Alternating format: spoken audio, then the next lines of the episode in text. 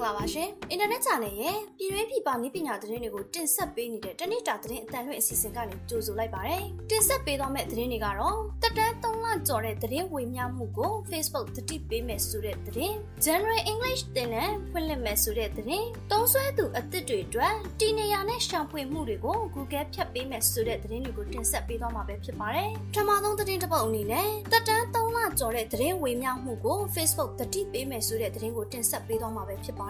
Facebook ဟာရက်90ကျော်ကြာမြင့်တဲ့သတင်းဆောင်ပါကိုမဝေမျှခင်တတိပေးမဲ့လှုပ်ဆောင်ချက်ကိုဖြန့်ချိခဲ့ပါတယ်။သတင်းဟောင်းကိုဝေမျှဖို့ခလုတ်နှိပ်လိုက်ရင်တတိပေးချက်ကိုမြင်တွေ့ရပါမယ်။သတင်းဆောင်ပါတစ်ခုရဲ့အချိန်သတ်မှတ်ချက်မရှိမှုကဆက်ဆက်နောက်ခံရဲ့အရေးပါတဲ့အစိပ်ပိုင်းတစ်ခုဖြစ်ပြီးတော့လူတွေကဘာဖတ်မလဲဆိုတာဆုံးဖြတ်ပြီးယုံကြည်ဝေမျှပါတယ်။ထုတ်ဝေသူတွေကလည်းလက်ရှိဖြစ်ရပ်တွေကိုမှားယွင်းစွာတိဆောက်တဲ့သတင်းဟောင်းတွေအပေါ်စိုးရိမ်နေကြပါတယ်။စာဖတ်သူတွေကသတင်းကိုကလစ်လုပ်ပြီးသတင်းကောင်းကြီးကိုဖတ်ပြီးတော့လစ်လျူရှုကြပါတယ်။လူတွေဝေမျှတာကိုမြင်ရတဲ့အခါလက်ရှိသတင်းတွေအပေါ်ရှုမြင်မှုကိုအယောင်ဆိုးပေးနိုင်တယ်။စာဖတ်သူအများစုကသတင်းကောင်းကြီးအောက်ရက်စွဲတွေကိုဖတ်လို့မရှိပါဘူး။တချို့သတင်းဌာနတွေကနောက်ခံအခြေအနေရှင်းလင်းဖို့သတင်းဟောင်းတွေမှာကိုယ်ပိုင် label တွေထည့်သွင်းထားတယ်။ Facebook ကတတိပေးချက်တစ်စိတ်အမျိုးမျိုးကိုလည်းထည့်သွင်းဖို့စဉ်းစားနေပါတယ်။အထူးသဖြင့် COVID-19 နဲ့ဆက်ဆက်သတင်းဆောင်မတွေအတွက်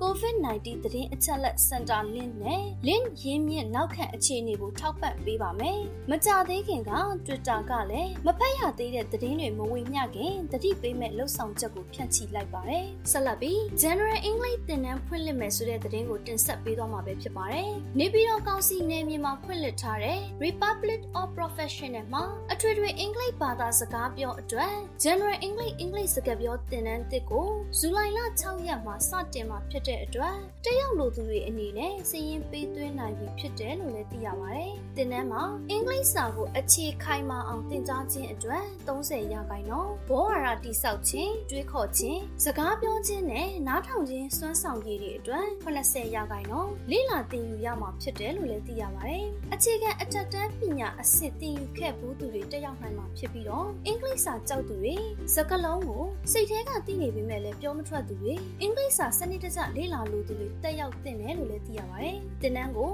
ဇူလိုင်လ6ရက်မှာစတင်မှာဖြစ်ပြီးတော့စနေတနင်္ဂနွေတွင်သင်ကြားရမှာလည်းဖြစ်ပါတယ်။နိုင်ပေါင်း32နာရီကြာမြင့်မှာဖြစ်ပြီးတော့သင်တန်းကြီးကတော့9000ကျပ်ဖြစ်ပြီးတက်ရောက်လို့သူတွေအနေနဲ့အသေးစိတ်ကိုဖုန်း39ခွန်ခွန်ကိုကိုခွန်ခွန်83နှစ်တို့ဆက်သွယ်မေးမြန်းနိုင်မှာပဲဖြစ်ပါတယ်။နောက်ဆုံးသတင်းတစ်ပုဒ်အနေနဲ့သုံးဆွဲသူအသစ်တွေအတွက်တီနေယာနဲ့ရှာဖွေမှုတွေကို Google ဖြတ်ပေးမယ်ဆိုတဲ့သတင်းကိုတင်ဆက်ပေးသွားမှာပဲဖြစ်ပါတယ်။ Google ဟာသုံးဆွဲသူတွေအပေါ်ကျင့်သုံးမဲ့အချက်လက်ကင်တွယ်မှုစီးမြင်ကိုအပြောင်းလဲလုပ်ခဲ့ပါတယ်။ကုမ္ပဏီအနေနဲ့အချက်လက်တွေကိုအလိုလျောက်ဖြတ်ပေးမယ်တိတိတတ်တာအပြောင်းလဲတစ်ခုကိုလည်းထည့်သွင်းခဲ့ပါတယ်။ Google CEO ဖြစ်သူကတကူရီအချက်အလက်လုံခြုံမှုလုံခြုံရေးနဲ့သုံးဆွဲသူအခွင့်အရေးကိုအသားပေးဖို့လှုံ့ဆော်သွားမယ်လို့အပြောင်းလဲကို blog post မှာကြေညာခဲ့ပါတယ်။ Google ရဲ့အလိုလျောက်ဖြတ်ပေးမဲ့ feature ကရှာဖွေမှု history website ဒါမှမဟုတ် app အတွင်းမှာတီနီယာ history နဲ့ Google Home လိုမျိုးထုတ်ကုန်ဒါမှမဟုတ်ပဲ